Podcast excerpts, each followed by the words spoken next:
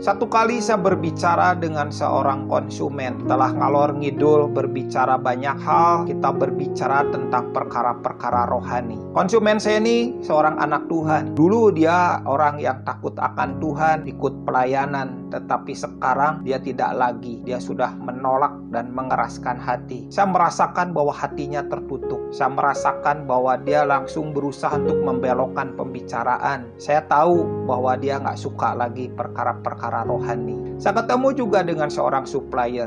Ketika kami berbicara banyak tentang chemical, lalu bicara tentang bisnis, akhirnya juga berbicara tentang perkara rohani. Dan anehnya, si orang ini sama sekali nggak tertarik dengan perkara rohani. Sekalipun saya tahu di handphonenya ada Alkitab, hari-hari ini ada orang-orang yang telah kehilangan kasih. Hatinya sudah mengeras, sudah nggak rohani lagi gak suka dengan perkara-perkara rohani.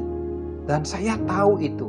Saya berdoa kepada Tuhan, Tuhan janganlah itu terjadi kepada kita. Janganlah itu sampai terjadi. Kalau itu terjadi mengerikan. Karena di hari-hari terakhir ini kalau hati kita mengeras, hati kita membatu, itu sangat sangat mengerikan sekali.